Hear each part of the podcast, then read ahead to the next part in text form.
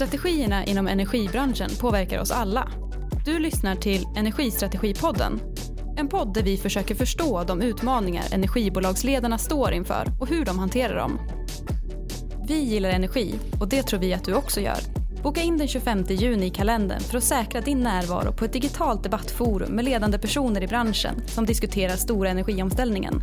Vi skapar nämligen Energistrategidagen. Där vill vi att du ska vara med och påverka.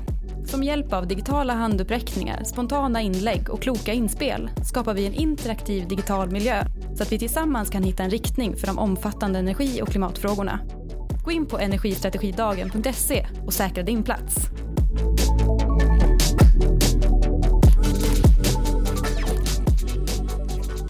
Hej och välkomna tillbaka till Energistrategipodden. Jag heter Niklas Sygholm och idag så har jag gästats av eh, Håkan Jönsson på Gävle Energi. Och det är ju jättekul för här finns ju många speciella förutsättningar eh, som ska bli intressant att prata om. Eh, men jag tänkte börja med den här bakgrundsfrågorna. Och jag kan ju inte låta bli, eftersom jag själv är göteborgare i grunden, och, och, och ställa dig frågan. Är du, du, du, är uppväxt i Göteborg. Eh, och hur, kan du berätta lite grann hur, hur du kom från Göteborg till Gävle? Ja, absolut. Jo, jag är uppvuxen i Göteborg, i Fiskebäck, eh, som ju faktiskt är en liten vad ska vi kalla det, en liten stadsdel söder om Älvmynningen i Göteborg. Sveriges största fiskehamn dessutom. Icke att förväxla med Fiskebäckskil som ligger uppe i Bohuslän, för det är en helt annan sak. Och mycket mer pittoreskt om jag ska vara helt ärlig. Eh, I Gävle hamnade jag väl egentligen som en konsekvens av ja, min dåvarande fru och våra respektive arbeten. I början på 2000-talet jobbade vi båda två på Telia Sonera, eller Telia som det var från början. Eh, min fru på Telia strategistab och jag som business controller för Telia Networks. Fantastiskt roliga arbeten båda två, men vi kom fram till att när vi förstod att vi skulle bli föräldrar att det här kommer inte att fungera. Så då tog vi det aktiva valet att vi skulle flytta till den stad som först någon av oss hittade ett roligt och stimulerande arbete i, där våra föräldrar bodde. Då. Så vi hade att välja på Göteborg och Gävle. Och jag hittade Gävle Energi, så då blev det Gävle. Eh, det är ju när man läser på er och, läser igenom er årsredovisning så är det eh, naturligtvis väldigt mycket eh, kring hållbarhet och förmågan som energibolag att driva en omställning i samhället. Vad var din insikt och inblick i de här frågorna då när du kom in i energibranschen? Hur, hur har det utvecklats längs vägen? Ja, på den tiden, eh, 2004 när jag började på Gävle Energi, så hade jag ju ingen större inblick i vare sig energisektorn eller miljökonsekvenser av energiverksamhet egentligen. Men jag förstod ganska fort när jag kom till Gävle Energi att man hade en, en väldigt uttalad tanke med sitt miljöarbete. Och det var någonting man höll på med ganska länge. Och det hela gick egentligen ut på att man inte såg något motsatsförhållande mellan att vara miljömässigt hållbar och ekonomi. Eh, man hade väl någon slags uttryck som att miljömässig nytta på affärsmässig grund, tror jag man kunde sammanfatta det på den tiden. Och du har varit kvar här nu ett tag. Tiden går. Hur, länge har du, hur länge har du varit på Gävle och hur länge har du varit VD? Eh, jag har varit på Gävle Energi nu då i 16 år. Det är helt galet känner jag nu när jag tittar tillbaka på det. Och jag har varit VD sedan 2013 så det är ungefär sju år. Men eh, du är också en person som eh, gillar det här med marknad och marknadsutveckling har jag förstått. Ja, det är ytterst få företag som har ett existensberättigande om man inte har en kund som över tid är nöjd. Just det. Och, och så, precis så står det faktiskt i er årsredovisning också. Man kan höra dina ord igenom där. Mm. Men jag, jag, tänker mer specifikt på att du också har skrivit en, en, en, uppsats som heter Reglering av naturliga monopol med särskild tillämpning på de svenska elnäten. Ja, otroligt sexig titel. Man kanske inte blir miljonär på pocketrättigheterna eller filmrättigheterna men Eh, det var väl egentligen en konsekvens av att jag, eh, vad var det då ungefär, 20 år sedan efter att jag hade gått ut Handels i Göteborg, insåg att det kanske var dags att fylla på lite grann. Så att jag läste in en magisterexamen också i företagsekonomi. Och det där var mitt examensarbete. Och det kändes ju väldigt nära till hands att få titta på just det här med naturliga monopol som ett elnät är och hur man på bästa sätt kan reglera de här naturliga monopolen. För att det är ju en ständig konflikt kring de här regleringarna. Mm. Jag tänker vi kommer tillbaka till det där med mm. elnätfrågan, för den är ju spännande. Ehm, men eh, Gävle stad då, och de unika förutsättningarna här. Jag, jag, läste på att det är Norrlands näst största stad. Mm. Jag hickade väl till för jag förstod inte att det här var Norrland. Nej, eh, det gjorde väl kanske knappt jag heller tror jag när jag flyttade hit. När jag flyttade till Gävle kändes det här mer som Stockholms nordligaste förort. Det är ju faktiskt så att det finns ett stort antal eh, människor här i Gävle som pendlar varje dag till Stockholm. För det går ju ganska fort att åka tåg till Stockholm härifrån. Man kan åka pendeltåg härifrån hela vägen om man väljer att byta pendeltåg i Uppsala eller på Arlanda. Hur lång tid tar det att åka till Stockholm härifrån? En timme och 20 minuter tar det väl att åka tåg härifrån. Annars så är Gävle, stad, Gävle kommun ungefär 100 000 invånare, mm. läste jag på. Var... Stadig tillväxt. Den har legat extremt stabil under ganska lång tid. Inga sådana här kast i utvecklingen, utan det är plus 1100 per år ungefär och har varit ganska länge nu. Ja, just det. Ni är ju, eh, Billerud Korsnäs är ju en, en stor arbetsgivare mm. som Gävle är känd för. Också en stor hamn. I, Jag i tror att det pappersbruk vi har här i Gävle, det är ju världens största tillverkare av vätskekartong. Så att en ansenlig mängd av all vätskekartong du dricker när du är i Kina eller i Thailand eller i Frankrike kommer faktiskt från Gävle. Ja, jag, jag, var tvungen att läsa på om det här också. Och jag fick lära mig att var fjärde dryckesförpackning av kartong produceras, mm. eller delvis produceras, i Gävle, mm. i, globalt. Det är rätt häftigt faktiskt. Det är ett ganska stort pappersbruk vi har. Ja, verkligen. Mm. Väldigt coolt. Ja, men dina drivkrafter då, som, eh, om, om jag får eh, dyka in lite grann i dem. Vad, mm. vad drivs du av som VD idag? Ja, jag tror man ska utgå från personen. Det måste man göra om man ska titta på drivkrafter tror jag. Och det är väl en, eh, en disposition jag har haft i hela mitt liv. Jag vill alltid göra saker och ting bättre. Och det behöver inte vara några kvantsprång utan det handlar egentligen om att hela tiden göra någonting bättre. Om det är riktigt dåligt så kanske man måste försöka ta de här kvantsprången. Men även någonting som fungerar fantastiskt väl kan man hela tiden förbättra och göra lite, lite bättre. Lite bättre för kunden eller lite mer effektivt eller lite högre kvalitet till lägre kostnad. Då blir jag nyfiken. Hur präglar det här ditt ledarskap? Ja, alltså det kan ju bli ganska negativt om man ser det som att man aldrig riktigt är nöjd. Men jag tror att det där är en del av faktiskt Gävle Energis företagskultur. Det var någonting jag upptäckte ganska fort på Gävle Energi när jag började att vi har lite mantran här. Eh, ett mantra är ju FFF, fira framgång fort. Och då kan vi ha gjort ett jättebra projekt till exempel. Och så firar vi det med någonting eh, roligt som att vi bjuder på smörgåstårta till lunch eller på eftermiddagsfika så har vi mjukglassmaskiner så man får äta sig trött på mjukglass och strössel. Och då kan jag sätta mig med en projektgrupp och de är jätteglada och nöjda och eh, dunkar varandra ryggen och tycker att det här var ett fantastiskt kul projekt och det blev jättebra. Nästa dag när jag går ner till förmiddagsfikat och sätter mig med ungefär samma människor så är det en annan diskussion. Och det, då pratar man om, ja om vi skulle göra det här en gång till, då skulle vi gjort på det här sättet, för då blir det lite bättre. Mm. Och det tycker jag är en fantastisk inställning som Gävle Energi har haft en enorm nytta av under ja, 127-128 år nu. Mm. Ja, det är, det är en väldigt eh, liksom, lång historia här. Ehm, hur eh, hur märker du, liksom, hur, hur, får, hur får du dina medarbetare runt omkring dig att prestera? Jag tror att man måste vara överens om och kunna kommunicera vad man vill uppnå på ett väldigt tydligt sätt. Jag kommer ihåg när jag började på Gävle Energi, då hade man ju naturligtvis en strategisk plan för verksamheten. Eh, den var inlåst hos VD-assistenten och så fick man gå dit och klä på en lapp och så fick man lova bort sina barn när man yppade för någon annan vad det stod i den här strategiska planen. Och det där kände jag, det var ju jättemärkligt förhållningssätt. Så att när jag blev VD ett antal år senare så gjorde vi precis tvärtom. Vi engagerade medarbetarna i vår strategiska planprocess. Och sen såg vi till att alla skulle ha kännedom om vår strategiska plan.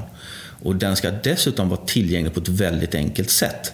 Och det betyder att vår strategiska plan får inte vara 38 sidor i typ 10 utan den måste kunna faktiskt gå att sammanfatta på eh, 2 till 3 sidor. Annars har den begränsat värde ute i själva verksamheten om man inte nerifrån och upp eller uppifrån och ner faktiskt vet vad verksamheten syftar till. Mm.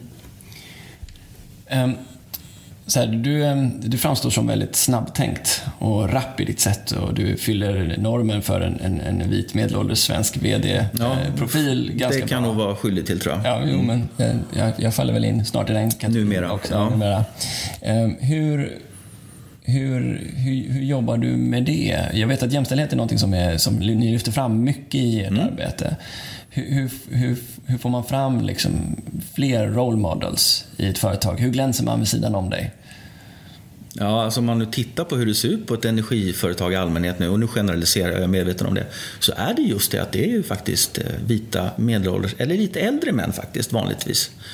Det är ett för, förvånansvärt litet inslag utav kvinnor och det är nog ännu mindre inslag utav eh, Eh, människor som har flyttat till Sverige i närtid eller från platser långt bort. Och det är någonting vi jobbar aktivt med för att komma till rätta med. För vi tror verkligen att en blandning av eh, olika erfarenheter och förutsättningar berikar företaget i slutändan. Men det är en utmaning. Jag menar bara att hitta kvinnor till tekniska eh, platser på Gävle Energi, det är en riktig utmaning. Om man sätter ut en platsannons för en känd som är teknisk i sin karaktär, då är man glad om man får kanske 8-9 procents sökandel som är just kvinnor. Mm. Det är inte bättre än så. Har vi däremot tjänster på Gävle Energi som man kan uppfatta som mer kvinnligt inriktade, eh, marknad, eh, kommunikation, ja, då har vi precis tvärtom. Så tittar vi på antal sökande till våra tjänster på totalen så har vi en fantastiskt fin könsfördelning. Men ändå så blir det inte bättre för att det, vi är ju mer tekniker än kommunikatörer på Gävle Energi om man säger så. Mm. Så därför har vi bland annat försökt, eh, vi sätter inte ut platsannonser, eller det kan vi också göra, men vi ser framförallt till att ge uppdrag till rekryteringsfirmor att hitta kvinnliga sökanden eller sökande med annan bakgrund än vad vi vanligtvis har på Gävle Energi. Mm. Jag ser också att ni har lyft fram flera eh, liksom, goda förebilder i er kommunikation kring, eh, kring hur det är att jobba på, mm. på Gävle Energi också.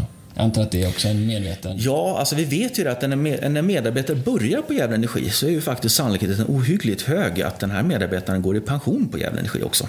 Så när jag har introduktionssamtal med, säg en drifttekniker på elnät så brukar jag säga hej och välkommen till Gävle Energi. Sannolikheten är stor att du går i pension här. Och det kanske inte du vill höra som drifttekniker på Elnät när du då är 25 år gammal på ditt andra eller tredje jobb. Men det är så att när du börjar på Jävla Energi så är sannolikheten jättestor att du går i pension här. Och det är både en välsignelse och en förbannelse för eh, en arbetsgivare om man ska vara lite krass. För att om du har medarbetare som kan jobba här då i 40 år då måste man faktiskt som arbetsgivare erbjuda utveckling och utbildning för de här medarbetarna över tid. Annars så kommer de ju inte fylla sin funktion. Och du måste också kräva utbildning och utveckling, för det är någonting som kanske inte alla vill ta till sig hela tiden. Men det är också ett ansvar för medarbetaren att från sin sida kräva just det här med utbildning och utveckling för att kunna flytta vidare till nya utmanande och utvecklande tjänster i företaget. Och vi ser att vi har en ganska stor rörlighet mellan eh, våra sex affärsområden eller våra stödfunktioner. Mm. Ja, tack. Eh, jag tänker jag, jag rullar lite vidare, även om vi kan prata vidare om det här länge såklart. Mm. Men, men eh, Gävle Energi då, ni omsätter nästan 1,2 miljarder mm. i huvudbolaget. Ni har haft en ganska jämn och fin resultatnivå. Eh, liksom, ni ligger relativt högt i resultat i Sverige. Ja, framförallt så kanske man ska titta på lönsamhet när man mm. tittar på det här med anläggningstung verksamhet, mm. vilket energibolag är. Du behöver titta på avkastning på totalt kapital sannolikt för att bedöma en lönsamhetsnivå och dessutom göra över tid för det kan bli lite kast med elpriser och sånt. Ja, just det. Och var ligger ni där någonstans? Vi är bland de bästa i Sverige. Ja, jag, kunde också notera det här och det verkar vara uthålligt över tid. Ni hade... Ja, och det där tror jag att om vi kopplar tillbaka till vad vi sa i början på det här samtalet så är det ju faktiskt så att man har inställningen att allting ska göras lite bättre hela tiden. Och det där tror jag är en konsekvens av det. Ja, ja, om vi håller oss lite grann vid det. För ni, ni, har, ju liksom, ni har ju en soliditet på nästan 50 procent. Um, och ni har uh, ändå en avkastning på totalt kapital bortåt en 8-9 procent någonstans. Mm. Uh, det är nog många som skulle titta på er med viss önskan om att kunna befinna sig i samma position. Mm. Är, det, är det den affärsmässiga grundkulturen som gör det, eller vad skulle du säga? Ja, eh, absolut. Alltså det där med lönsamhet, om man tittar på avkastning på totalt kapital, det är ju två delar. Dels har du en resultatnivå, dels har du kapitalbindningsnivån. Och vi jobbar ju aktivt med båda sakerna. Vi vill inte Vi försöker undvika att blåsa upp eh, balansräkningen med onödiga tillgångar. Det är någonting som vi inte tycker om. Vi är snarare så att vi är ganska offensiva vad det gäller att göra av och nedskrivningar när vi ser att saker och ting inte fyller sin funktion längre. För saker och ting förändras i den här branschen och då måste man ta konsekvenserna av det ur ett eh, balansräkningsperspektiv, vilket då korresponderar med resultaträkningspåverkan. Men över tid så ska man nog vara försiktig i sin bedömning av balansräkningen och försöka förbättra sitt resultat hela tiden. Men du är alltså en av dem som håller med om att, att hålla anläggningstillgångarna nere är en... Eh, Nere har ju inget egenvärde utan du ska ha rätt anläggningstillgångar. Du ska ha anläggningstillgångar som faktiskt tillför ett värde till verksamheten. För förutsättningarna förändras ju även i energisektorn. Och vi vet ju att vi har väldigt långa livslängder på våra anläggningstillgångar och långa avskrivningstider. Och förändras förutsättningarna så måste man vara öppen för att faktiskt ta konsekvenserna ur ett balansräkningsperspektiv. Och resultaträkningsperspektiv då. Okej, ni har eh, ungefär, eller ett, ett antal medelanställda är 221. Ja, och vi växer. Och det gör vi medvetet. Hur då? Ja, alltså det är någonting vi har sagt att när vi har kompetenser och resursbehov som vi ser är återkommande och stabila över tid, då ska vi inte hyra in den typen av konsulter som det oftast blir då, eller resurskonsulter för den delen, utan då ska vi anställa dem. Vi tror att det är bättre över tid för en medarbetare som vi då vet kommer stanna på Gävle Energi över väldigt lång tid det betyder också att får städa upp efter dina egna misstag om man ska vara lite ärlig. Mm. Några av de dyraste misstagen jag har sett i Gävle Energis historia har faktiskt orsakats av dåliga konsultarbeten. Mm. Och det där kan man ju vända direkt åt att säga att man är en dålig uppdragsgivare.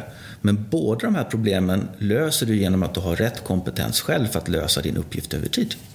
Löser ni, eller då antar jag att ni behöver vara väldigt noggranna med att lösa utmaningen om man då tar det du sa tidigare, att om man anställer någon så är det stor risk, att, eller stor risk var fel uttryckt av mig, så stor möjlighet att de eh, blir kvar väldigt länge. Ja. Mm. pensionerar sig här på Gävle Energi. Eh, samtidigt som, som eh, både kompetensförändring och utveckling sker kan ju också tidigare kunskap bli inaktuell. Yes. Hur, hur löser man då den knuten? Att ni inte har rekryterat på er helt rätt personer 1980 som 2020 är Nej, alltså, jag tror faktiskt att vi har varit väldigt framgångsrika över tid med att, att eh, vad ska vi kalla det, konvertera medarbetare, kanske fel uttryck, men att utveckla medarbetare till nya funktioner och tjänster. Eh, vi kan ta ett ganska enkelt exempel, en dotterbolags-VD, Anders, för Bionär Närvärme AB. Han började för ganska länge sedan som drifttekniker på elnätet och har under åren som gått sedan dess haft alla möjliga positioner inom fjärrvärme, IT. Han har varit IT-chef på Gävle Energi under en period för att sen sluta som VD för eh, småskalig fjärrvärme helt enkelt. Ser det likadant ut i din värld nu med, med digitaliseringsbehov? Och, och... Mm, det där är en intressant. Vi har ju lagt ner ohyggligt mycket tid och pengar och engagemang i att digitalisera oss. Och det är kanske ett aningen trubbigt uttryck numera. Men digitalisering för oss det handlar liksom om sömlös integrering utifrån ett kund eller verksamhetsbehov med en hög grad av automatisering. Och det gör ju faktiskt att en del funktioner i vårt företag blir obsoleta. Eller mm, kanske inte obsoleta alltid, men det är ett väldigt minskat behov i alla fall. Och då handlar det om att faktiskt utveckla här medarbetarna till nya funktioner där det finns en efterfrågan. Mm. Och det är en utmaning. Det är, det är någonting att vara framför oss. Vi vill se det här allt mer tydligt nu ju mer automatiserade och effektiva vi faktiskt blir i våra processer i slutändan. Just det. Eh, ni, eh, Gävle Energi, ni har värme, kyla, eh, energiproduktion då såklart, eh, elnät, elhandel, eh, kommunikation. I ja, datakommunikation, ja. bredband. Hur talar man det? Gavlenet? Gavlenet, ja precis. Gavlenet, ja. Och energitjänster. Och ni driver också en, del av den här verksamheten i form av dotterbolag. Mm. form av Bomhus Energi som är ett samarbete, hälftenägt med Billerud-Korsnäs. Hälftenägt med Billerud-Korsnäs, ja. Eh, sen så är det också Bionär närvärme. Mm, som, som, vi äger tillsammans med Ockelbo och Älvkarleby kommuner. Och visst är det så med Gavlenet också, att det finns andra delägare? Nej, det gör det inte i Gavlenet däremot. Nej. Däremot är vi verksamma både i Gävle och Ockelbo. Ah, okay. eh, vårt elhandelsbolag, där har vi Söderhamn Nära som delägare till en liten andel. Ja, så var det. Mm. Mm. Eh, och Ja, berätta för mig då. Eh, här är intressant. Att sitta på de här olika verksamheterna. Eh, förklara för mig, hur, hur, är det strategiskt relevant jämte att man skulle nischa sig in mot en viss, ett visst eh, spår? Är det inte svårt? Ja. Kan det inte vara svårt att överblicka alla de här olika verksamheterna? Eller, är det en, eller hur blir det en fördel? Det är det absolut det. Men om man väljer att se på alla de här verksamhetsområdena eller affärsområdena utifrån ett kundperspektiv så kan vi konstatera att ett energibolag i allmänhet och definitivt Gävle Energi säljer ju ingenting som inte alla behöver. Och det är lite unikt för de flesta företag att det är liksom inte valbart att ha ett elnät. Du kan leva ett helt liv utan att äta en chokladbit men det är svårt att i dagens samhälle leva ett helt liv utan ett elnät. Så vad vi försöker göra det är att vi ska bli eh, eh, eh möjliggöra för våra kunder att göra det kunden vill på ett väldigt enkelt sätt och effektivt sätt. Så därför försöker vi tillhandahålla infrastrukturlösningar och därtill kopplade tjänster på ett väldigt effektivt och attraktivt sätt. Hur löser, man, eh, hur löser du det då? Om det, om det är svårt att överblicka alla affärer mm. samtidigt? Hur, hur... Det handlar ju egentligen om att man får hitta synergier mellan de här väldigt väsensskilda affärsområdena. Det finns ju inte så väldigt mycket likheter mellan elhandel och eh, ska jag säga, gavelnät, fiberverksamhet kanske. Däremot så har vi ju faktiskt eh, synergier att vinna i ett kundperspektiv. Vår marknad och försäljningsorganisation kan ju hantera flera eh, olika produkter utan problem och det är ju faktiskt någonting som kunden efterfrågar, att få en enkel lösning på sina behov.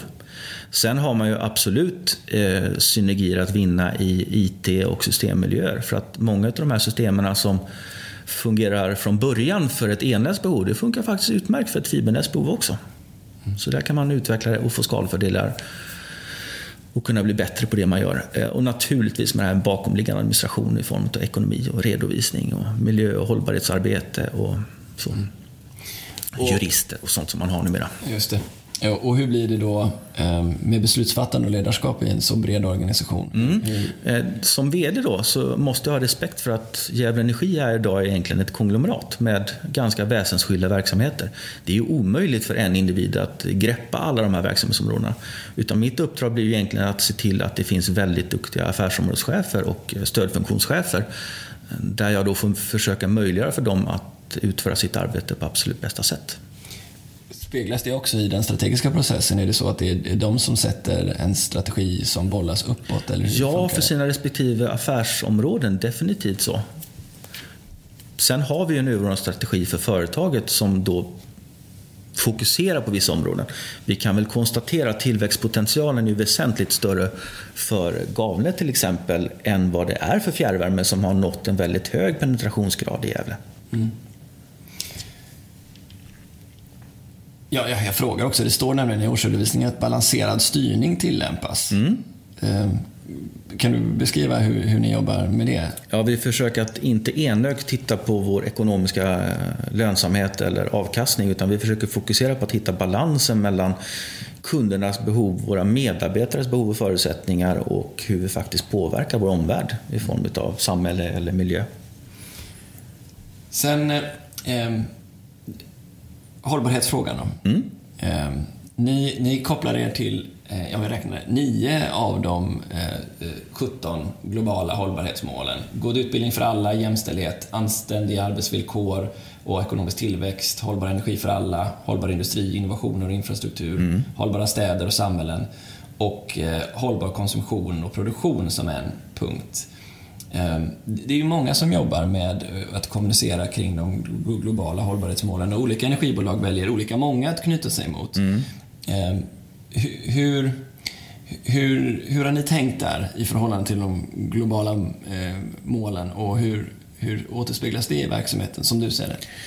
Ja, vi är ju en bred verksamhet och alltså får vi ju en bred koppling till de här målen naturligtvis. Eh, och det kanske kan tyckas långsökt att vi bidrar till industrins utveckling och konkurrenskraft. Men det gör vi ju faktiskt. Du nämnde ju Bomhus Energi tidigare här där vi är 50-procentiga delägare tillsammans med Billerud Korsnäs. Och vid en första anblick så kan man ju se det som att ja, vi äger ett väldigt stort kraftvärmeverk ihop ehm, och vi köper restenergi från Billerud Korsnäs. Och det är ju bra. Men om man tittar på det lite stort så innebär det ju faktiskt en väsentligt minskad miljöbelastning. Nu är ju vår biobränslebaserade kraftvärmeproduktion i sig kanske inte så väldigt miljöbelastande. Men vi minskar ju till och med behovet av de här skogsbränslena genom att vi tillsammans med Billerud Korsnäs nyttjar stora mängder restenergi från deras pappersbruksprocess. Och det är ju bra för miljön, men det är ju samtidigt bra för Billerud Korsnäs konkurrenskraft. För vi tar ju ett avkylningsproblem i en industriell process och gör det till en värdefull råvara för ett fjärrvärmenät. Så genom att vi betalar för att hantera deras avfallsproblem i praktiken så bidrar vi till att de kan ha en större konkurrenskraft på sin marknad. Och det är viktigt för staden helt enkelt naturligtvis. Mm. Hur, eh, hur genomsyrar det verksamheten då, eh, skulle du säga? Hur, vilken Nej, men jag tror att om du tittar på eh, vår strategiska plan så har vi ett antal, eller fem beslutsregler.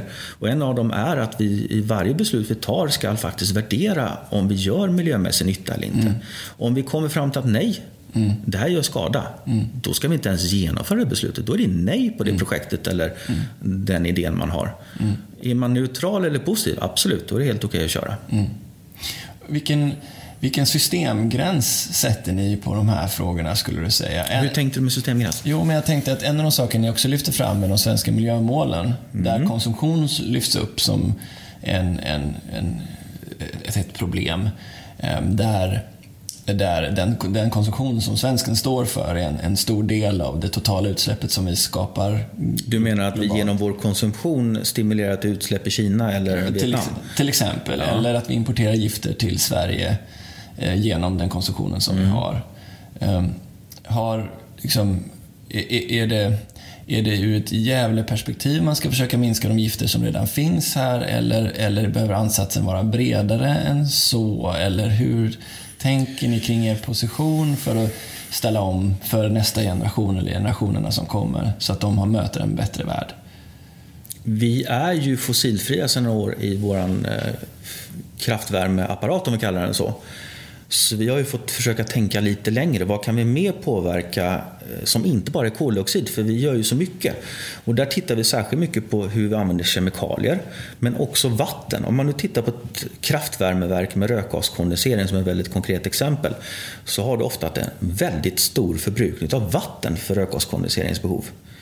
Där monterar vi nu under den här revisionsperioden vi är inne i just nu. Så monterar vi ju ett ett slutet system för vattnet i vår rökgaskondensering som då sparar om det var 50 000 kubikmeter vatten per år.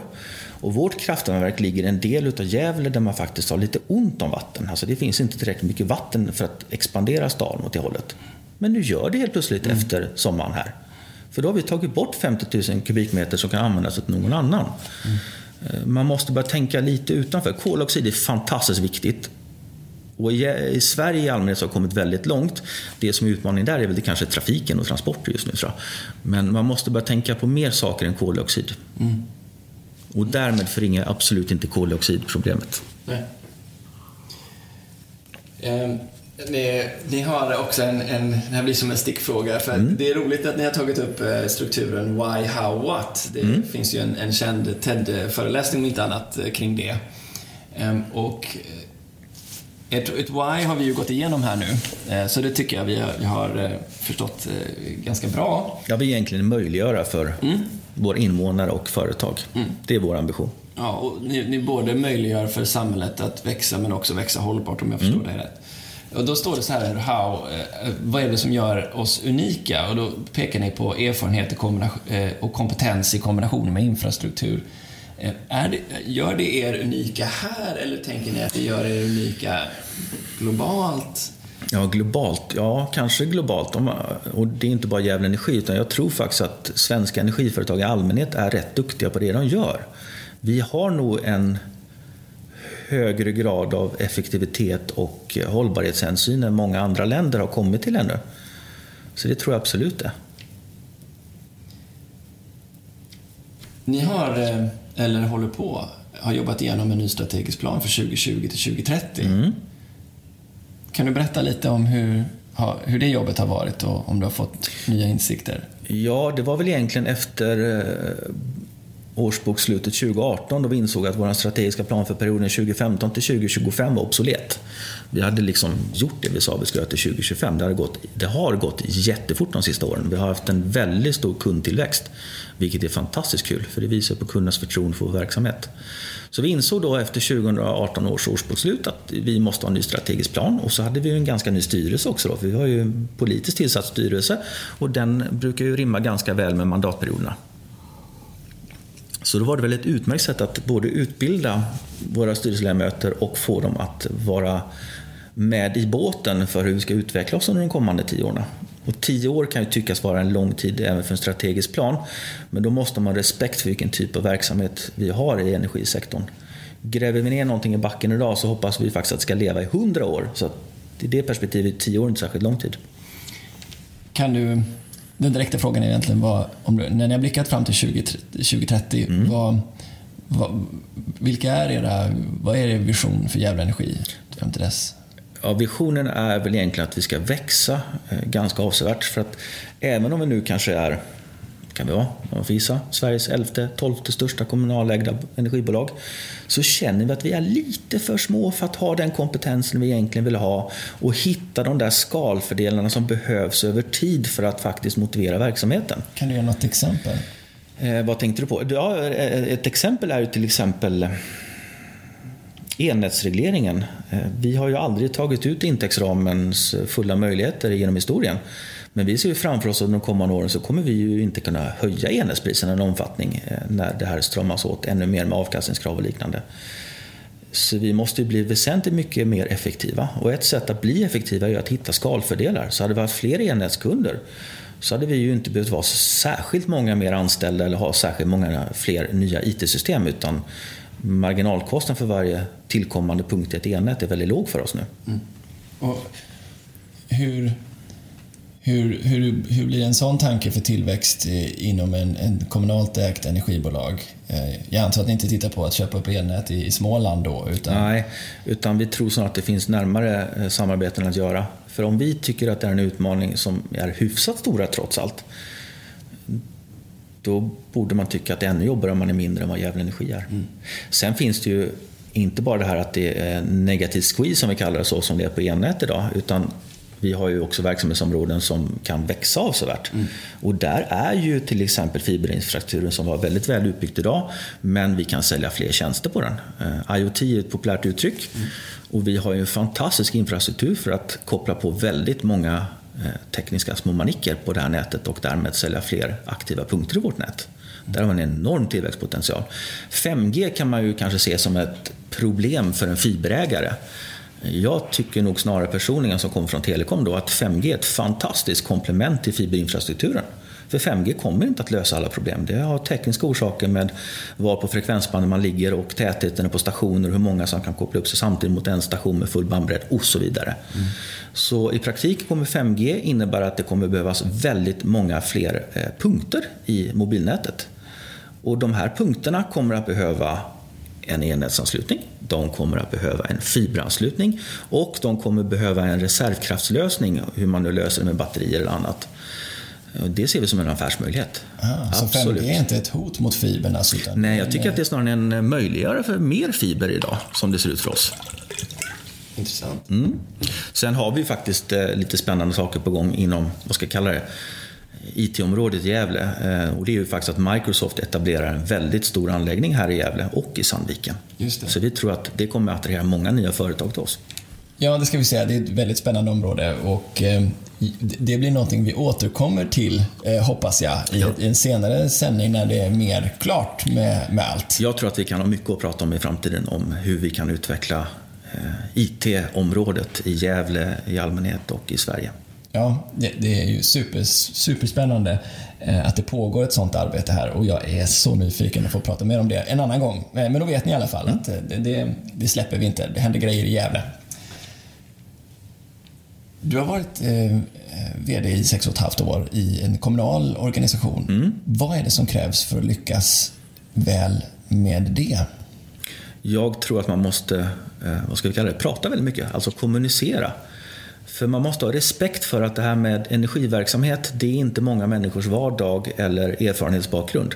Så då måste du vara en god pedagog för att de som faktiskt i slutändan fattar beslutet och faktiskt i slutändan äger bolaget ska få en förståelse för vad bolaget egentligen gör och varför man gör på vissa sätt.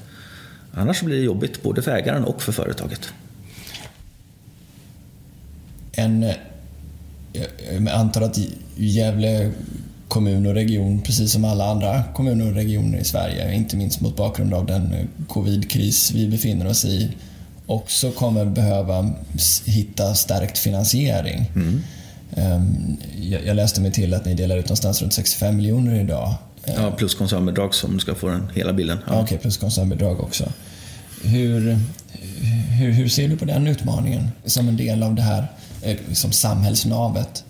Där brukar jag faktiskt ha ett mantra inför ägarna i slutändan. Och det är att eh, ägaren får ta precis så mycket utdelning från Gävle Energi som ägaren önskar så länge som man inte hotar bolagets ställning och verksamhet. Så står det i aktiebolagslagen. Mm. Och så är det. Vi har ju en väldigt hög soliditet på Gävle Energi och vi har väldigt stort eget kapital. Så, så rent teoretiskt så skulle vi kunna dela ut väldigt mycket pengar till våra ägare. Mm. Nu är det ju så att ägarens behov av pengar i Sverige i allmänhet nu sammanfaller med att det finns ett stort investeringsbehov i väldigt många städer. Så vi har ju Gävle till exempel, om man tar det som ett konkret exempel, vi har ju behovet av att expandera vårt elnät, vi har behovet att expandera vårt fjärrvärmenät, vi har infrastruktur som är till åren kommen och måste ersättas och bytas ut. Vi har en fiberaffär som har lite kvar att växa, dock inte så mycket och är väldigt ny då naturligtvis. Ja, så att vi har ju ett stort investeringsbehov och ska vi då dela ut väldigt mycket pengar så innebär det att vi inte kan generera utdelningen utifrån eget kassaflöde utan då måste vi låna upp mer pengar. Mm. Och där måste man göra en värdering som ägare om man vill ha en högre skuldsättning eller inte. Mm. Mm. Men det är ingenting som jag som VD i ett bolag kan ha någon större synpunkt på. Jag kan ju bara berätta för ägaren vilka konsekvenserna blir. Mm.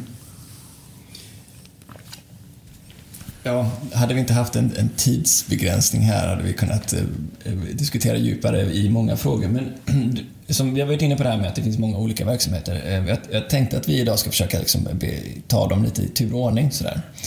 Vi går in på, på elhandel till att börja med om det är mm, okej med dig. Absolut. Eh, och där har ni haft en 6% tillväxt förra året. Ni har 116 000 kunder. Mm. Eh, läste jag mig till. Eh... Ja, var det 116? Det kanske har vuxit så fort ja. Ja, alltså 116 000 kundavtal. Ja, ja kundavtal. Mm. Ja. Nu är det ännu fler. Ja.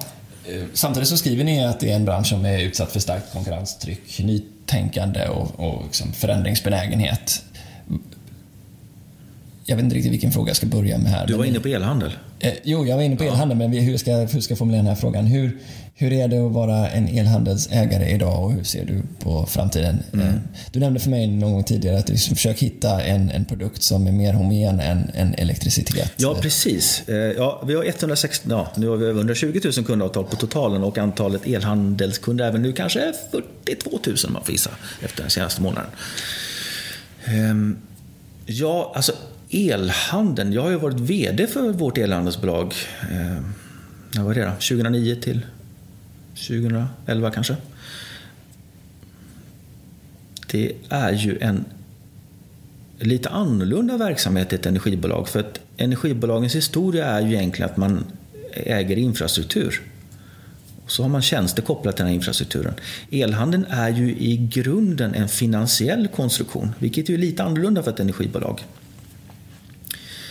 Och redan när jag var VD för elhandelsbolaget så tittade jag på vår eh, elhandelsverksamhet. Så tittade jag ut över Sverige och så tittade jag på hur många elhandlare som fanns och hur stora marknadsandelar respektive elhandlare på ett ungefär. Och jag kunde ju konstatera då som eh, är lite road av det här med konkurrensstrategier, Michael E. Porter, att elhandels sektorn egentligen uppvisade alla tecken på en bransch som står inför en konsolidering enligt just då Michael E. Porter. Och det är ju att vi har en extremt generisk produkt. Ja, men eh, en kilowattimme är en kilowattimme. Det är väldigt svårt att differentiera den här produkten på eh, något signifikant sätt. Alltså du kan ju inte sälja 60 Hz i ström, det är ju ingen som vill köpa och det är inte ens tillåtet. Eh, du kan differentiera din elhandelsprodukt genom att koppla på ett värde såsom ursprungsgaranti, till exempel att du har vindkraft eller vattenkraft eller någonting annat i hur man producerar det här. Men i grund och botten så är det en extremt generisk produkt. Vi kan konstatera också att det finns ett fåtal stora aktörer på marknaden som har en väldigt stor marknadsandel. Och I Sverige är det då till exempel de stora är Vattenfall, Fortum, E.ON, du har Skekraft, du har Mälarenergi till viss del och kanske Bixia. Ja, nu med det Ellevio till det. Ja. Nej, Nej Fortum håller på med elhandel. Ja, ja, precis. Mm. Nu är jag på fel bransch här. Precis. Mm. Fortum har ju inte bara sitt varumärke Fortum utan de har även andra varumärken. Eh, men det som är kvar sen då, det är faktiskt inte så många procent av den totala elhandelsmarknaden, vare sig i antal eller volym. Och så finns det då idag ungefär 140 elhandlare tror jag, som delar på en väldigt liten kaka. Den här marknaden kännetecknas utav väldigt stor lönsamhetspress. Eftersom konkurrensen är så hård så är marginalerna väldigt små. Samtidigt finns det ju risker kopplade till elhandeln som jag fick lära mig den hårda vägen när jag var VD för elhandelsbolaget 2009-2010. När det blir stora prisfluktuationer på elhandelsmarknaden i form av pris och volymrisker när man har eh, prissäkrade avtal. Så det finns stora risker förknippade med många av produkterna. Ja, det här är ju typexempel på en marknad som egentligen ska konsolideras. Det ska bli betydligt färre aktörer som då kan eh, få lite större marginal för att hantera de stora riskerna. Men det har inte hänt.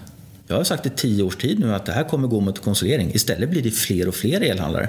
Och det tycker jag är otroligt märkligt. Ja, har du hittat någon förklaring? Jag tror att den här supply-centric-diskussionen som varit, ska vi kalla den het till och från i tio år den också, känns det som.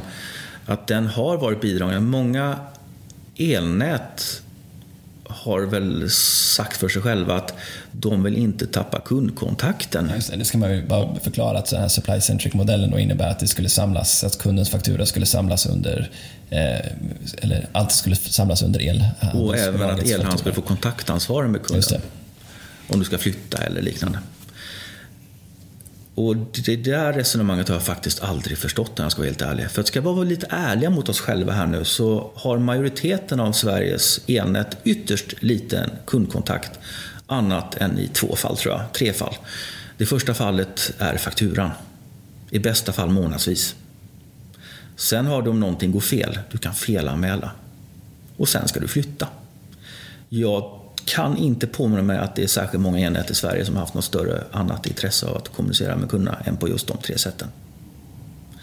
Så att säga att man ska starta elhandel för att behålla kundkontakten, jag kan inte riktigt se att det där är en gångbar förklaring. Nej. Och sen ska man vara medveten om att det finns faktiskt skalfördelar även i elhandel. Och att börja från scratch är en utmaning. Mm. Ja, och en finansiell risk som du någonstans måste Absolut, och kunskapsbehov. För att det är inte bara att hålla på med elhandel. Varför tror du det är så många som är beredda att ta på sig den här risken? Då? Jag tror att om man tittar på de som äger elhandlare idag så är det ju ett väldigt många energibolag. Och man är oftast ganska välmående så man har möjlighet att ta på sig den här risken egentligen. Mm. Oklart lite varför. Man kanske ser att man, om man skulle få en supply-centric modell där kontaktansvaret ligger på elhandeln, att man skulle behöva göra personalneddragningar och ta bort sina kundtjänster i mångt och mycket och liknande. Och istället för att ta den och bita det sura äpplet så tar man och istället startar elhandel för att inte behöva ta de här åtgärderna. Men eh, det skulle kunna låta som att det finns, eh, om det finns anledning för konsolidering, hur, hur tänker ni då när ni växer er elhandel? Ja, vi växer ju hela tiden, vilket vi, vi är väldigt glada för. Ibland lite förvånade över att det faktiskt går så bra med tanke på hur konkurrensen ser ut. Och jag tror att det handlar om att hela tiden försöka se till kundens behov nu. De är lite olika beroende om lägenhetskund eller företagskund naturligtvis. Men att vara nära och enkel att ha att göra med, det är ett spår vi har. Mm.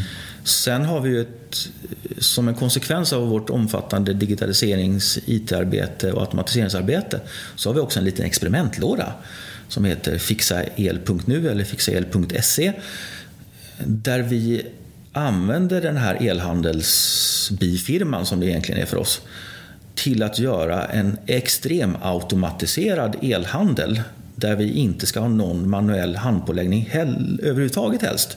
Vi är inte riktigt där, men nästan. För då kan hålla extremt låga priser. Det är ju ett sätt för, och återigen en Michael Porter att kunna konkurrera på en väldigt fragmenterad marknad med konsolideringsbehov. Då har du alternativet att kunna vara kostnadsledare. Det är vi på Fixa elen på det sätt vi arbetar idag. Du kan fokusera på ett segment, att du vänder dig till storindustrin till exempel, eller lägenhetskunder. Med trovärdighet då naturligtvis, lägenhetskunder är svårt.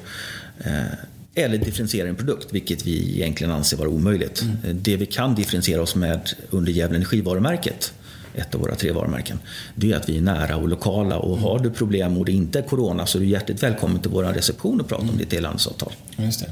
Så, och det återkommer ju från, från fler, det här med att det finns en en, en, en lojalitet mot, mm. mot det lokala samhällets... Jag brukar säga att det finns en eh, väldigt stor eh, ett väldigt stort samband med eh, ortens eller regionens litenhet och lojaliteten mot det lokala elhandelsbolaget. Mm.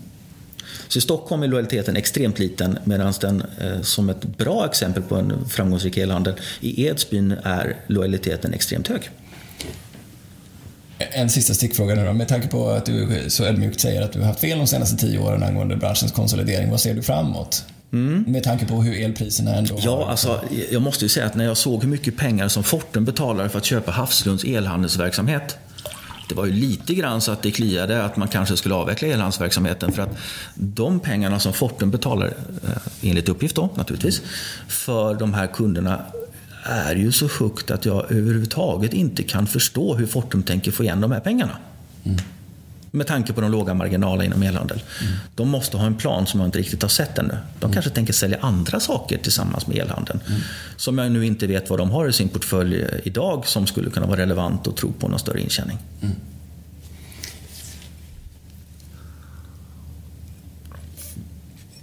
Finns det med i er strategiska tanke? Det här att, att avveckla elhandeln? Ja, att avveckla någonting. Ja, alltså absolut. Verkligheten förändras ju hela tiden och det kan bli tvungen att avveckla verksamheter för att tiderna förändras. Mm. Eh, historiskt sett så har Gävle Energi avvecklat många verksamheter. Vi håller inte på med kol och koks. Vi har slutat med stadsgas. Vi har slutat med busstrafik och spårvagnstrafik. Eh, vi har gått över från likström till växelström. Eh, men tiderna förändras. Och då kanske vi också måste förändras med dem. Det kanske inte är läge att hålla på med elhandel eller någon annan verksamhet som vi har idag. Just nu ser jag inte det där. Elhandel fyller ju sitt behov utifrån vårt perspektiv genom att det är en nödvändig tjänst för våra kunder. Och kan vi tillhandahålla den på ett bra sätt, på ett effektivt sätt för oss själva och våra kunder, då gör vi det helt enkelt. Vi stänger elhandeln mm. därmed. Och så vandrar vi raskt över till där jag var inne och fladdrade förut, elnäten. Mm. Och elnätsverksamheten. Och här är ju ett, en investeringstung verksamhet onekligen. Jag tror mm. ni investerade eh, nästan mest där föregående år om jag läste balans. Eh, ja, alltså det där, ja, stan växer och vi mm. behöver flytta saker vilket kostar pengar, vilket då oftast betalas av Trafikverk eller liknande. Eh, och vi behöver nya mottagningsstationer och vi behöver byta ut gammal utrustning helt enkelt. Och så sätter du kontexten att ni inte heller har tagit ut hela vägen upp till mm. intäktstaket och, och så är en diskussion igång med hur, hur, nästa period ska se ut och man får lyfta vidare överskott från, från tidigare perioder. Mm. Och så Vad behöver du för att kunna vara långsiktig i den branschen om du blickar ut? Vad är utmaningarna för dig? Alltså utmaningen, alltså, givet hur regleringsmodellen ser ut idag och den squeeze vi ser framför oss eh, utifrån kalkylräntor och liknande i regleringsmodellen så måste vi jobba med vår egen inre effektivitet. Och det är egentligen alla perspektiv på inre effektivitet vi tittar på då. Om vi tittar på investeringsverksamheten så har du kostnadskatalogen i reglermodellen, eller EBR-katalogen som man oftast kallar den. Ja, men vi måste nog vara bättre än EBR-katalogen om vi ska kunna uppvisa goda vinster över tid. Eh, vi måste ha en effektiv kundhantering. Vi kan inte vi kan hitta samarbeten. Vi hittar samarbeten redan nu där vi får det kommunala bostadsbolaget att flytta in sina hyresgäster på vårt elnät när hyresgästerna flyttar in i lägenheten. Till nytta både för det kommunala bostadsbolaget, kunden och Gävle Energi. För vad vi kan se, eh, om jag raljerar lite grann nu, det är att kunderna är jätteduktiga på att berätta när de flyttar ut från en lägenhet i allmänhet. Det är inte lika eh, snabbt på när de flyttar in någonstans. Och om man då tar exemplet med en kommunala bostadsbolag i det här fallet så har de ju registrerat på sig på lägenheten när kunden flyttar ut. när den nya kunden flyttar in utan att meddela enhet det så innebär det att enhetsfakturan då går till det kommunala bostadsbolaget istället då som ringer elnätsföretaget och säger att vänta här nu, vi har en hyresgäst där, ni måste backa den här fakturan och skicka till den här personen istället. Och det blir en enorm administration. Jag tror att det fungerar så på väldigt många ställen i Sverige. Men det har vi löst tillsammans till allas fromma egentligen genom att de sköter en del av elnätsadministrationen. Mm. Järnspik, jag glömde fråga dig om tillsvidareavtalen på elhandeln. Mm. Kan vi ta det som en stickfråga? Absolut. För det är ju något som är uppe i debatten, att politiker är irriterade över att, eh, att eh, det fortfarande finns tillsvidareavtal på elhandel. Som, mm. som gör att du hamnar på en högre kostnad när du väljer ett elhandelsavtal eller inte väljer snarare vilken avtalsform du ska ha. Ja, precis. Eh, utav ointresse eller okunskap oftast. Ja, vilken av dem mm. det är. Säg mig, varför är det där fortfarande ett problem i Sverige? Ja, det är ett minskande problem, eh, tror jag. Jag har ingen koll på hur det ser ut i Sverige, men vad jag kan se i Gävle i alla fall, det är att kunderna blir allt bättre på att välja en elhandelsleverantör. Och det hänger nog samman med att elhandlarna, med tanke på konkurrenssituationen, blir allt mer proaktiva. Och försöker fånga kunden när kunden är i rörelse helt enkelt. Och det är när de flyttar oftast. Då får du folkbokföringsstatistik och liknande. Mm. Okej, okay, så du tror att den, den diskussionen den kommer, den kommer lösas? Ja, alltså ett av motiven till Supply Centric, alltså återigen det här med att elhandeln ska vara kontaktpunkten för elnätskunden också, det är att kunden ska tvingas att göra ett aktivt val för att undvika de här tillsvidareavtalen. Men det problemet håller vi på att lösa sig självt, känns det som lite grann idag. Mm. Sen arbetar vi aktivt inom elhandeln, till exempel på Gävle Energi, och ringer upp de här kunderna eller mejlar dem eller smsar dem om att de har ett ofördelaktigt elhandelsavtal och att vi föreslår att de ska byta till ett bättre. Men ska vi vara helt ärliga så är de flesta av de här kunderna lägenhetskunder med väldigt liten förbrukning. Så att om jag ska tolka deras beteende nu så bryr de sig helt enkelt inte för det är för lite pengar. Mm. För den enskilda kunden. Mm. Mm. Ja, jag, jag, jag, var inne på det här vi pratade om tidigare. Liksom vad, vad, vad skapar en sån här pressad marknad för typ av konkurrensknep? Liksom, vad är, vad Konkurrensknepen? Ja, du kan absolut använda anvisningsleveransen som ett sätt att lyfta din lönsamhet i övrigt pressade kundsegment, om man kallar det så. Men det man kan väl se, eh, det som skapar mest problem för de flesta aktörerna på elhandelsmarknaden idag, och då inkluderar jag även elnäten faktiskt, det är vad man kan kalla det här fulsäljet. Att det är direkt oärliga, snudd på kriminella försäljningsmetoder där säljare utger sig för att representera det lokala energibolaget och säger att eh, det lokala energibolaget ska sluta med elhandel eller att man har ett samarbete med det lokala energibolaget och så vidare. Och man lurar kunden ska på fullmakter både för att ta reda på vilket avtal kunden har under lång tid men också för att byta. Mm. Så att det är inte helt ovanligt med förtvivlade kunder som drabbas av lösenavgifter och då står i vår reception eller i vår kundtjänsttelefoni. Är det rent lurendrejeri Jag skulle vilja säga att det är Alltså vi kontaktar de här företagen, eller försöker kontakta dem. Det är inte alla som svarar på telefon, mail eller brev eller någonting annat. Mm. Men alltså att de här, det är nämligen ett litet antal företag. Man kan titta på Konsumenterna elmarknadsbyrå, vilka de är vanligtvis. Eh, när man pratar med elhandelsföretag som utifrån sin ägarbild borde vara extremt seriösa, eh, som beter sig, som ursäkta uttrycket, som svin på el, den svenska elhandelsmarknaden. Eh, då är min slutsats att man antingen är kriminellt inkompetent eller rent kriminell. Det är bara att välja. Mm. Vad tråkigt. Mm det gynnar absolut inte energisektorn. För vi framstår ju som ohederliga och, eh, mindre trovärdiga. Vi har ju redan från början ett kommunikativ uppförsbacke i och med att de flesta saker vi säljer inom ett energibolag är lågintresseprodukter. Då behöver vi verkligen inte att aktörer beter sig ohederligt eller oetiskt. Det finns ju alltså, det finns ju initiativ för att man ska komma åt det här genom att man kan certifiera sig med schysst elhandel som energiföretagen har till exempel. Jag tycker att det är lite tråkigt att energiföretagen ska behöva ha den här certifieringen schysst elhandel. Jag tycker att det borde räcka med att man är medlem i energiföretagen. För då sköter man sig. Sköter man sig inte som medlem i energiföretagen, då tycker jag att man borde få konsekvenser av det. Att man får helt enkelt bättra sig.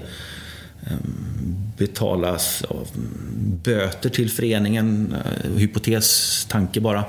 Eller som ytterst konsekvent blir utesluten. Du får inte vara medlem i energiföretagen om du inte kan bete dig på ett etiskt försvarbart sätt. Nu tänker jag gå tillbaka till elnäten igen. Mm. Vad är din take på eh, den, alla de eh, domstolsärenden och den diskussion som har varit om hur elnäten ska regleras? Du har ändå skrivit en hel del om det. Vad, mot bakgrund av, av all din kunskap där, vad, vad är det du har sett och vad är det du ser framåt på, i den diskussionen? Ja, man har ju hamnat i clinch med varandra. Man har gjort det under väldigt lång tid och man har ju olika uppdrag och olika förutsättningar om man nu tittar på reglerande myndighet, Energimarknadsinspektionen, branschföreningen, energiföretagen, de enskilda företagen. Man har ju helt olika intressen. Och vad man egentligen syftar till är att reglera ett naturligt monopol. Och om det nu är så att man har så olika syn som man faktiskt har idag, då måste man försöka hitta vägar fram tillsammans. För annars kommer den här konflikten uppstå i olika former hela tiden över tid. Så man måste helt enkelt försöka skaffa sig en gemensam bild av hur man på bästa sätt reglerar ett naturligt monopol. Och det kan man inte göra hemma på kammaren i Eskilstuna eller i Stockholm. Utan man måste nog faktiskt ta och sätta sig på ett flygplan när man får lov att göra det igen åka runt i världen och titta på framgångsrika regleringar av naturliga monopol. Så man kan dra lärdom tillsammans. Och jag vet inte om kriteriet på en framgångsrik reglering av ett naturligt monopol är att alla är lika missnöjda eller att alla är lika nöjda, men någonstans där. Just nu verkar man mötas mest i domstolen. Ja, och det är ju inte konstruktivt, för det tjänar ingen på över tid. Jag har påpekat för energiföretagen eh, att det här med att man eh, återkommande skickar ut extra fakturer för elnäten som är medlemmar i energiföretagen för domstolsprocesser. Eh, jag tycker det är helt vansinnigt. De måste höja medlemsavgiften eftersom det här inte är engångshändelse utan det här är en del av den löpande verksamheten inom energiföretagen för elnätens räkning idag. Mm. Så antingen ser vi till att hitta en ny gemensam grund tillsammans med reglerande myndighet, företagen och föreningen och kunderna naturligtvis. Glöm inte bort kunderna här. Eller så... Vem, vem kan vara lösningen till det här då? Är det en ny energikommission som skulle behövas med fokus på... Nej, alltså jag tror inte att det behöver vara så märkvärdigt om jag ska vara helt ärlig. Jag tror att man måste faktiskt ödmjukt ta till sig den kunskap som finns på området tillsammans. Man behöver sitta i samma rum, höra samma saker och diskutera samma saker och försöka förstå vilka konsekvenser det här kan få för den svenska elnätsmarknaden. Vem borde vara drivkraften bakom det? Det ligger i allas intresse. Så jag tycker att energiföretagen tillsammans med Energimarknadsinspektionen borde börja någonstans där. Mm. Och gärna med kundorganisationerna, för de måste också vara med på det här. Och ha en förståelse för varför det ser ut som det gör. Ja, för om man nu tittar på Svenska kraftnäts eh, långsiktiga mm. prognoser mm. om... 53 miljarder tror jag det är fram till 2040 va? Det är rätt så rejäla summor ja. i alla fall. Mm. Och också att den generella effektuttagen ur näten kommer Och det att kommer i slutändan att hamna på elnätsräkningen för den enskilda lägenhetskunden. Det måste man vara medveten om. Ja, ja, någonstans behöver ju pengarna komma ifrån mm. för att göra alla de här investeringarna. Och vi bygger upp ett elnät också där vi behöver mer transfereringar från norr till söder. Mer effekt måste flyttas i Sverige, ja. Och upplever du i alla fall att alla delar den missionen? Ja, alltså, Eller kons och konsekvenserna av det. Det där är ju ett helt särskilt problemområde. Vi har ju en situation i Sverige idag där vi har minskat produktionskapaciteten i söder samtidigt som effektbehovet ökar. Och vi ser att effektbehovet kommer öka ännu mer om vi menar allvar med att ställa om till fossilfrihet. För vad man kan konstatera, alla de här eh, färdplanerna för fossilfrihet som Svante Axelsson samlar in, vilket är ett jättebra initiativ. Det finns en gemensam nämnare i allihopa utom en av dem tror jag hittills. Och det är att lösningen för att komma till fossilfrihet i slutändan är el. Och det betyder två saker. Vi måste öka produktionskapaciteten hållbart naturligtvis. Och vi måste öka överföringskapaciteten eftersom den här produktionskapaciteten kanske utav rent nödtvång måste hamna på ställen som inte är på samma ställe som effektbehovet finns. Och så långt är det ju ganska enkelt att förstå. Men problemet dyker ju upp i nästa led. När man måste flytta effekten från produktionsresursen i någon form, om det är nu ett vindkraftverk eller ett kraftvärmeverk eller vad det nu är för någonting till ett annat ställe så har du en tillståndsprocess för att bygga de här ledningarna som idag är fullständigt absurd. Om man tittar på ett genomsnittligt Svenska kraftnätsprojekt för att bygga en ny stamledning så tar det 14 till 15 år. Förklara det för mig. Ja, precis. För att det tänkte jag komma till nu. De här 14 till 15 åren från att man inser att det finns ett behov av att bygga en ny transfereringskapacitet inom kraftnät så är det då de här extremt långa ledtiderna för hela projektet. Men själva byggnationstiden, det är sannolikt sällan mer än två till tre år. Det som tar tid är den här helt makalöst suboptimerade tillståndsprocessen utifrån alla olika aspekter med markavtal eller miljöhänsyn och så vidare. Och vad jag säger är inte att man ska fuska med markavtal eller att man ska fuska med miljöhänsyn. Men den här processen måste bli oändligt mycket mer effektiva för att vi ska komma till en klimatavställning. Jag eh, brukar säga att det krävs en nödvärnsrätt för klimatet. Man kan inte ha miljöprövningsprocesser som kan överklagas in absurdum som tar decennier. Det är så kontraproduktivt så att det i slutändan innebär att de här rara örterna eller de här rara djuren som man försöker skydda med miljölagstiftningen faktiskt kommer att förgås genom att det blir för varmt istället. Och då har vi misslyckats fullständigt. Mm. Då är det bättre att man har en aktiv strategi för att ta största möjliga miljöhänsyn för att lösa det överordnade problemet. Hur har ni det i, i Gävle om man tittar lokalt? Det finns ju vissa som säger att sätt in 20 snabbladdare hos oss så gungar hela nätet. Vad... Ja, ja, vi kanske har en bättre situation än så. Men naturligtvis har vi ju... Vi, alltså, det beror på var man ligger i landet. Gävle ligger ju förhållandevis bra till i Sverige utifrån ett effektperspektiv. Och jag brukar säga att Gävle sannolikt har de bästa effektförutsättningarna i Sverige. Och det beror på att vi har sådana fantastiska förutsättningar för havsbaserad vindkraft. Vi har ju två aktörer som har vindkraftsprojekt utanför Gävlekusten. Den ena är VPD, det tyska företaget med svensk verksamhet naturligtvis. Och det andra är Sveavind. Och där har vi ett annat problem med, eh, också regleringsmässigt, med vindkraften. Och det är det kommunala vetot. Att konstruktionen är ju sån att innan du kan komma till en miljöprövningsprocess i Mark och miljödomstolen så måste ju en kommun aktivt säga ja till en etablering. Det är inte så att man måste aktivt säga nej till en etablering. Utan nu måste man säga aktivt ja, vilket är ett problem. Mm. För off, när vindkraftsparken, om man tar det som ett exempel nu, blir tillräckligt stor så är det faktiskt inte ett lokalt intresse. Det är det naturligtvis till viss del. Men är vindkraftsparken tillräckligt stor så är det ett nationellt intresse för att lösa Stockholms effektproblem eller för att kunna skapa möjligheter för effektintensiv industri eller datacentersverksamhet. Mm. Vem, vem, vem, vem är det du vill skicka en passning till? Eh, att vi behöver förenkla miljölagstiftningen avsevärt. Syftet ska naturligtvis vara detsamma. Men det måste vara så att varje litet särintresse får inte skälpa det stora lasset. Superintressant. Men det är det också med fjärrvärme. Mm. Som är en, en, förutsättning för mycket såklart. Och, eh, ni har eh, eh läser jag mig innan, innan till här. 3950 privatkunder enligt årsredovisningen och 870 företagskunder. Du nämnde förut att ni har en hög penetrationsgrad i ja, Gävle. Vet om man du ungefär vad den ligger på? Ja, jag tror att eh, om man nu tittar på företagsementet som är kvar att ansluta inom fjärrvärmens idag fysiska utbredningsområde. 20-25 fastigheter kanske. Och det är oftast då fastigheter vars ägare inte vill ha så mycket att göra med ett kommunalt energibolag. När den här fastigheten byter ägare så är, vi, så är det regeln att den nya fastighetsägaren ansluter sig till fjärrvärmenätet. Vi har, alltså, fjärrvärmen i Sverige idag är ju utsatt för väldigt stor konkurrens från alternativa uppvärmningsformer.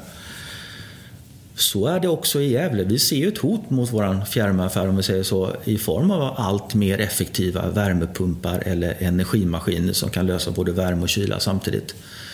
Men med tanke på vår effektiva produktionsapparat och attraktiva prisnivåer så har vi ju faktiskt på de här senaste 50 åren när vi har haft fjärrvärme förlorat två kunder. Om man nu bortser från att hus har rivits naturligtvis. Mm. Ni har eh, också då kommer vi tillbaka till Billerud Korsnäs. Ett, mm. ett, stort samarbete med dem. Eh, och ni har 53% restvärme i systemet, mm. om jag läser rätt, i er produktionsmix. Vad, Kan du berätta lite vad, det här med industrisamarbeten är ju en fråga för, för många energibolag runt om i Sverige och ni har ju uppenbarligen lyckats eh, väl i mm. relation till Billerud Korsnäs. Kan du berätta lite grann om, om varför är det strategiskt viktigt för er och hur har ni lyckats lösa det till, er för, eller till bådas fördel? Man måste i grunden sannolikt ha gemensamma behov på något sätt. Ett pappersbruk har ju väldigt stora behov av el och ånga för sin process. Ett fjärrvärmeföretag har ju ett väldigt stort behov av hetvatten. Och tittar man nu på hur det ser ut i en pappersprocess så har du väldigt mycket restenergi att tillvarata. Och det är bra. Men i det här fallet så, i Gävle så hade vi ju behov omkring 2010 av att bygga tre nya kraftvärmeverk egentligen. Gävle Energi började utöka sitt, sin kapacitet.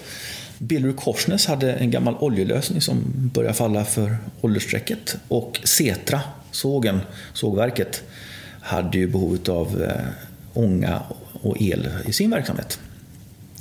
Men istället för att bygga tre stycken kraftvärmeanläggningar i Gävle så satte vi oss ner och försökte hitta en gemensam lösning tillsammans istället. För marginalkostnaden per tillförd megawatt ökar ju med hur större pannan är oftast.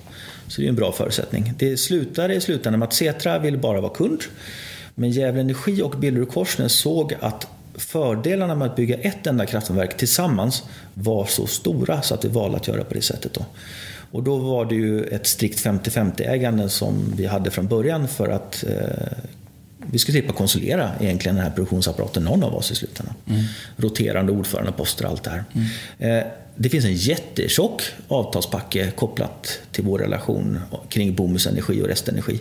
Men vad som egentligen är sammanfattningen av alla de här avtalen är att vi ska båda två parter ha lika stor nytta av den här investeringen. Men vi tar ut det i lite olika form. Billerud Korsnäs tar ut det i form av el och ånga och Gävle Energi i form av hetvatten.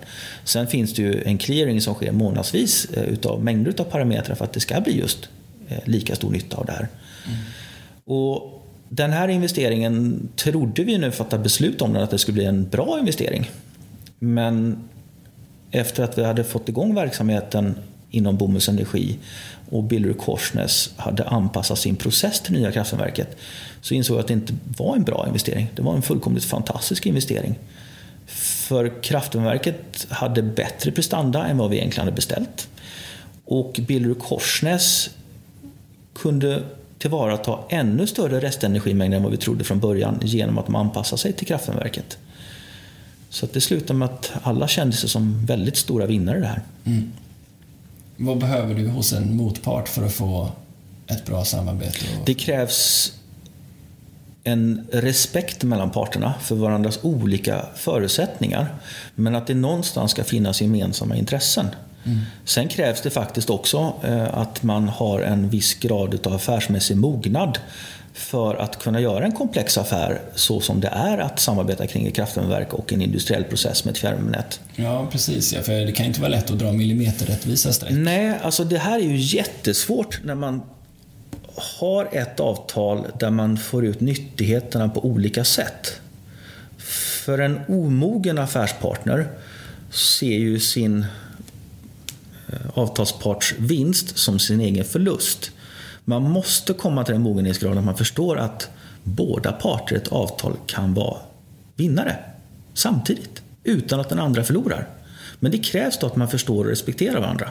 Och det här låter säkert otroligt banalt när jag säger det. Mm. Men tro mig, det är inte så lätt. För när vi diskuterar med andra företag än Billerud Korsnäs så ser vi att det finns en väldigt stor grad utav förbättrings... Alltså man kan bli väsentligt bättre i sin affärsmässighet. Mm. Ja, jag, antar, jag tolkar det som att man då är mer rädd för att förlora än Ja, det är en väldigt bra tolkning faktiskt. Mm. Mm. Är, är, det, är, det, är det en kulturell skillnad eller är det en utbildningsmässig skillnad? Eller? Alltså, till slut, I slutändan kokar det ner till individer och deras utbildningsbakgrund och deras erfarenheter. Mm. Och hur tror du Billerud Korsnäs ser på den här investeringen efterhand? Är en självklar fråga. Jag törs nog säga att jag vet hur de ser på den här investeringen. De är väldigt, väldigt nöjda. Mm. Vi har ju gått från ett strikt kund-leverantörsförhållande med Billerud Korsnäs historiskt. För att de har ju levererat hetvatten i någon form till oss sedan 70-talet. Men vad vi har kommit till nu det är ju en form av partnerskap där vi tillsammans diskuterar hur vi kan göra våra eh, respektive verksamheter bättre med Bomus Energi som någon sorts katalysator. Och nu pratar jag inte bara ekonomiskt bättre, det är naturligtvis jätteviktigt, men vi pratar även miljöeffekter mm. och hur vi kan få eh, högre kvalitet. Eller, mm. Mm. Ni har eh, 100% förnybart mm. i er produktionsmix eh, och ni är väldigt stolta över det, Absolut. Eh, läser jag mig till. Eh, hur ser du på avfallets eh, liksom, framväxt och, och, ökande andel av den svenska kraftvärmeproduktionen? Vi har ju inte behövt tänka på det så mycket på Gävle Energi sen vi fattade beslut om att vi ska göra det här tillsammans med Billerud Korsnäs. Men att som en slutpunkt för det avfall som faktiskt inte just nu är möjligt att avvinna, att elda upp det och energiåtervinna det tycker jag är en fantastisk lösning på det stora hela. Sen så blir det ju lite konstigt ibland tycker jag nog när, eh, vad ska vi kalla det, skattmasen vill ha in sina pengar för att täcka något budgetunderskott någonstans. Mm. Och att man då straffskattar i praktiken avfall som bränsle. Eller den här diskussionen som varit det sist om skatt på RT till exempel. Ja, just det, för det har ni också i er mix. RT har vi i vår mix, absolut. Returträ alltså. Mm. Mm. Där tycker jag att diskussionen blir jättemärklig. Färgflagor på plank skulle i så fall innebära att det inte längre är ett träbränsle utan att det är ett, ett avfall som ska straffbeskattas helt enkelt. Det blir lite konstigt för mig. Mm.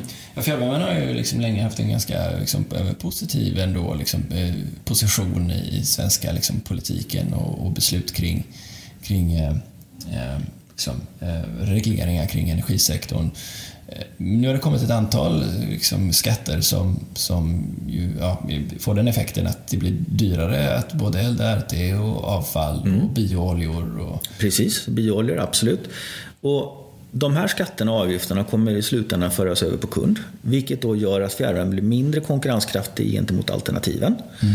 Och alternativen är ju mångt och mycket värmepumpar och värmepumpar är ju fantastiska maskiner och har sin absolut bästa nyttjande utanför ett fjärrvärmenät eftersom en värmepump i praktiken tillför ett effektbehov när vi har effektbrist i landet. Det är inte helt optimalt, så istället borde man bygga ut fjärrvärmen i syfte att minska effektbehovet i samhället. Och då är jag nyfiken på, pick your brain, vad kan det här tänkas bero på? Vilket då? Att, ja, att, det, att det blir så här att du får den konsekvensen att du får en högre effektuttag på alternativet precis i motsats till det du nyss sa om, om problemet med svenska elnätet överlag. Det här med energisystem är inte enkelt. Ja. Om man börjar repa i väven i en ände så kan tråden försvinna på ett helt annat ställe. Och all respekt för eh, lagstiftare och de som har alltså till att riket har skatteintäkter. Men ibland så förstår de ju inte konsekvenserna av sina handlingar. En sista, eller vi ska vi är snart färdiga med den här området. Men jag tänkte, det, det är intressant det här med bionär närvärme. Mm. Som ni har som Småskalig fjärrvärme eller punktvärme eller processvärme. Mm. Mm. Så hur är det i för, för det går bra, antar jag? Det går jättebra. Ja. Hur är det i en organisation att både ha en storskalig verksamhet och en småskalig verksamhet? Mm. Från början var det ju inte två verksamheter. Då ingick ju Bionärs verksamhet i den storskaliga fjärrvärmen i Gävle. Eh, det, så var det när jag började 2004 och ett av mina första uppdrag på den tiden det var ju att eh, foga samman Gävle Energis småskaliga fjärrvärmelösningar med Ockelbo fjärrvärme, som är en grannkommun till Gävle. Och vad vi ganska fort konstaterade var att det inte är lämpligt att drifta de här småskaliga värmeanläggningarna och småskaliga fjärrvärmenäten i samma organisation som det storskaliga fjärrvärmenätet. För det är helt olika driftförutsättningar, helt olika approach till i grunden samma problem egentligen. Men det krävs ett fokus på småskaligheten i syfte att hitta, det, hitta skalfördelarna i småskaliga helt enkelt. Bionär har idag cirka, ja, drygt 30 anläggningar i två län och kan det vara 7-8 kommuner. Mm, jag såg det på kartan, det är ganska mm. många ändå. Ja. Um, och, och är, hur, hur, har ni lyckats göra det här då? Att både, för det, det, är många som har slitit med det, att ha små anläggningar och stora anläggningar. Ja, absolut. Mm. Det är en utmaning. Eh, men det är återigen det här mindsetet att hela tiden göra små förbättringar och göra det hela tiden istället. Istället för att försöka ta ett kvantsprång någonstans. Mm. Att ta kvantsprång på 30 ställen det är jättesvårt. Men att hela tiden göra saker lite bättre på ett ställe och tillämpa kunskapen därifrån på ett nytt ställe, det går ganska fort och enkelt. Mm. Tack så hemskt mycket för den här eh, liksom, stunden vi, vi har fått prata med dig. Det har varit jätteintressant. Ehm, jag skulle vilja, om det går för sig, lämna intervjun bara med en, en spaning framåt. Vad, vad tror du blir de den stora, decenniets stora frågor? Eh, som du ser om du skulle få välja ut en enstaka eller två? Mm. Om vi tar två då. Eh, det första jag kommer att tänka på är faktiskt just effektutmaningen. Hur löser vi att vi får mer hållbart producerad effekt? Och hur löser vi att den här hållbart producerade eleffekten faktiskt kommer till det ställe där den behövs? Det är så fundamentalt viktigt, inte bara för hållbarheten utifrån ett miljöperspektiv, men även för Sveriges konkurrenskraft som nation när vi pratar industri, eller datacenter eller utveckling. Det är så otroligt viktigt som jag ser det. Mm. Tror du det blir en effektmarknad eller eh, vad tror du liksom händer de närmaste tio åren? Effektmarknad? Ja, kanske. Men det viktigaste är nog faktiskt att tillföra just den här effekten och möjligheten att distribuera effekten. Mm. Sen kan man ha effektmarknad eller inte. Mm. Det spelar inte så stor roll, bara effekten finns där i någon form. Eh, sen är det också utvecklingen på fibernäten. För i allegori till elnäten så kan man också konstatera att fibernäten också är naturliga monopol. Det kanske inte är ett naturligt monopol inne i täta stadskärnor som Gävle innerstad eller eh, Västerås innerstad eller så. Men så fort du kommer lite längre ut i städerna och det blir lite glesare mellan husen så finns det i praktiken inte en möjlighet idag att etablera två parallella infrastrukturer för fiber. Och det här betyder egentligen på att du på precis samma sätt som ett elnät har ju ett prissättningsprivilegium om du inte är reglerad. Du kan sätta i princip vilket pris som helst och kunden måste betala. För det är så viktigt för de flesta kunder idag att ha en fiberanslutning. Jag brukar likna det här med hur det har skiftat i vår driftcentral, alltså dit du kan ringa och felanmäla egentligen. Förr i tiden, för inte allt för länge sedan, så ringde ju människor till vår driftcentral och felanmälde elnätet. Det lyste ju inte. Eller det var kallt eller så. Idag så ringer eh, kunder och felanmäler sin eh, bredbandsanslutning. Och operatören i driftcentralen plockar upp kundens adress och konstaterar men vänta lite nu, du, du har ju strömavbrott där du bor. Ja, det vet jag väl, säger kunden. Men bredbandet fungerar inte. Nu är det allvar på riktigt. Säg kanske lite grann om kundernas kunskapsnivå om vad elen används till och så, men det belyser också på ett väldigt tydligt sätt hur viktig en fiberuppkoppling är för kunderna. Mm. Så att där tror jag att vi kommer komma till inom tio år att man kommer reglera fibernäten och vilka priser man får lov att ta ut. För tittar man på några av de här nationella aktörerna inom fibernät så kan jag, med, som är lite yrkesskadad naturligtvis, konstatera att de priser de tar ut för fiberanslutningar i extrem glesbygd såsom Torsåker, en bit utanför Gävle till exempel. Det är helt omöjligt att bygga med lönsamhet för de pengarna så som prisbilden ser ut på en internetaccess idag. Utan vad som kommer hända, eh, ofta i de här riskkapitalägda de här näten i någon form, det är att du kommer höja priset på accessen. Så får du en lönsamhet och kan avyttra verksamheten med god avans. Så jag tror att det kommer komma till en reglering av pris även på fibernäten i framtiden. Och det blir spännande. Hoppas att PTS gör det här eh, i en bättre samförståndsanda än vad vi lyckats med inom elnäten. Du, eh, tack så mycket Håkan. Tack! Väldigt kul att få besök här på Gävle Energi måste jag säga. Mm. Det händer ju inte så ofta nu längre. Nej, Nej. tråkigt som det är. Jag får hoppas nästa gång jag får, om jag får möjlighet att komma tillbaka så att det är fler eh, folk i byggnaden. Ja, det är inte så många medarbetare här idag. Nej. En vanlig tisdag. Nej. Är du intresserad av extra material eller visualiseringar från intervjun så hittar du dem på sigholm.se academy. Har du vidare frågor eller funderingar kan du alltid höra av dig till oss på info.sigon.se.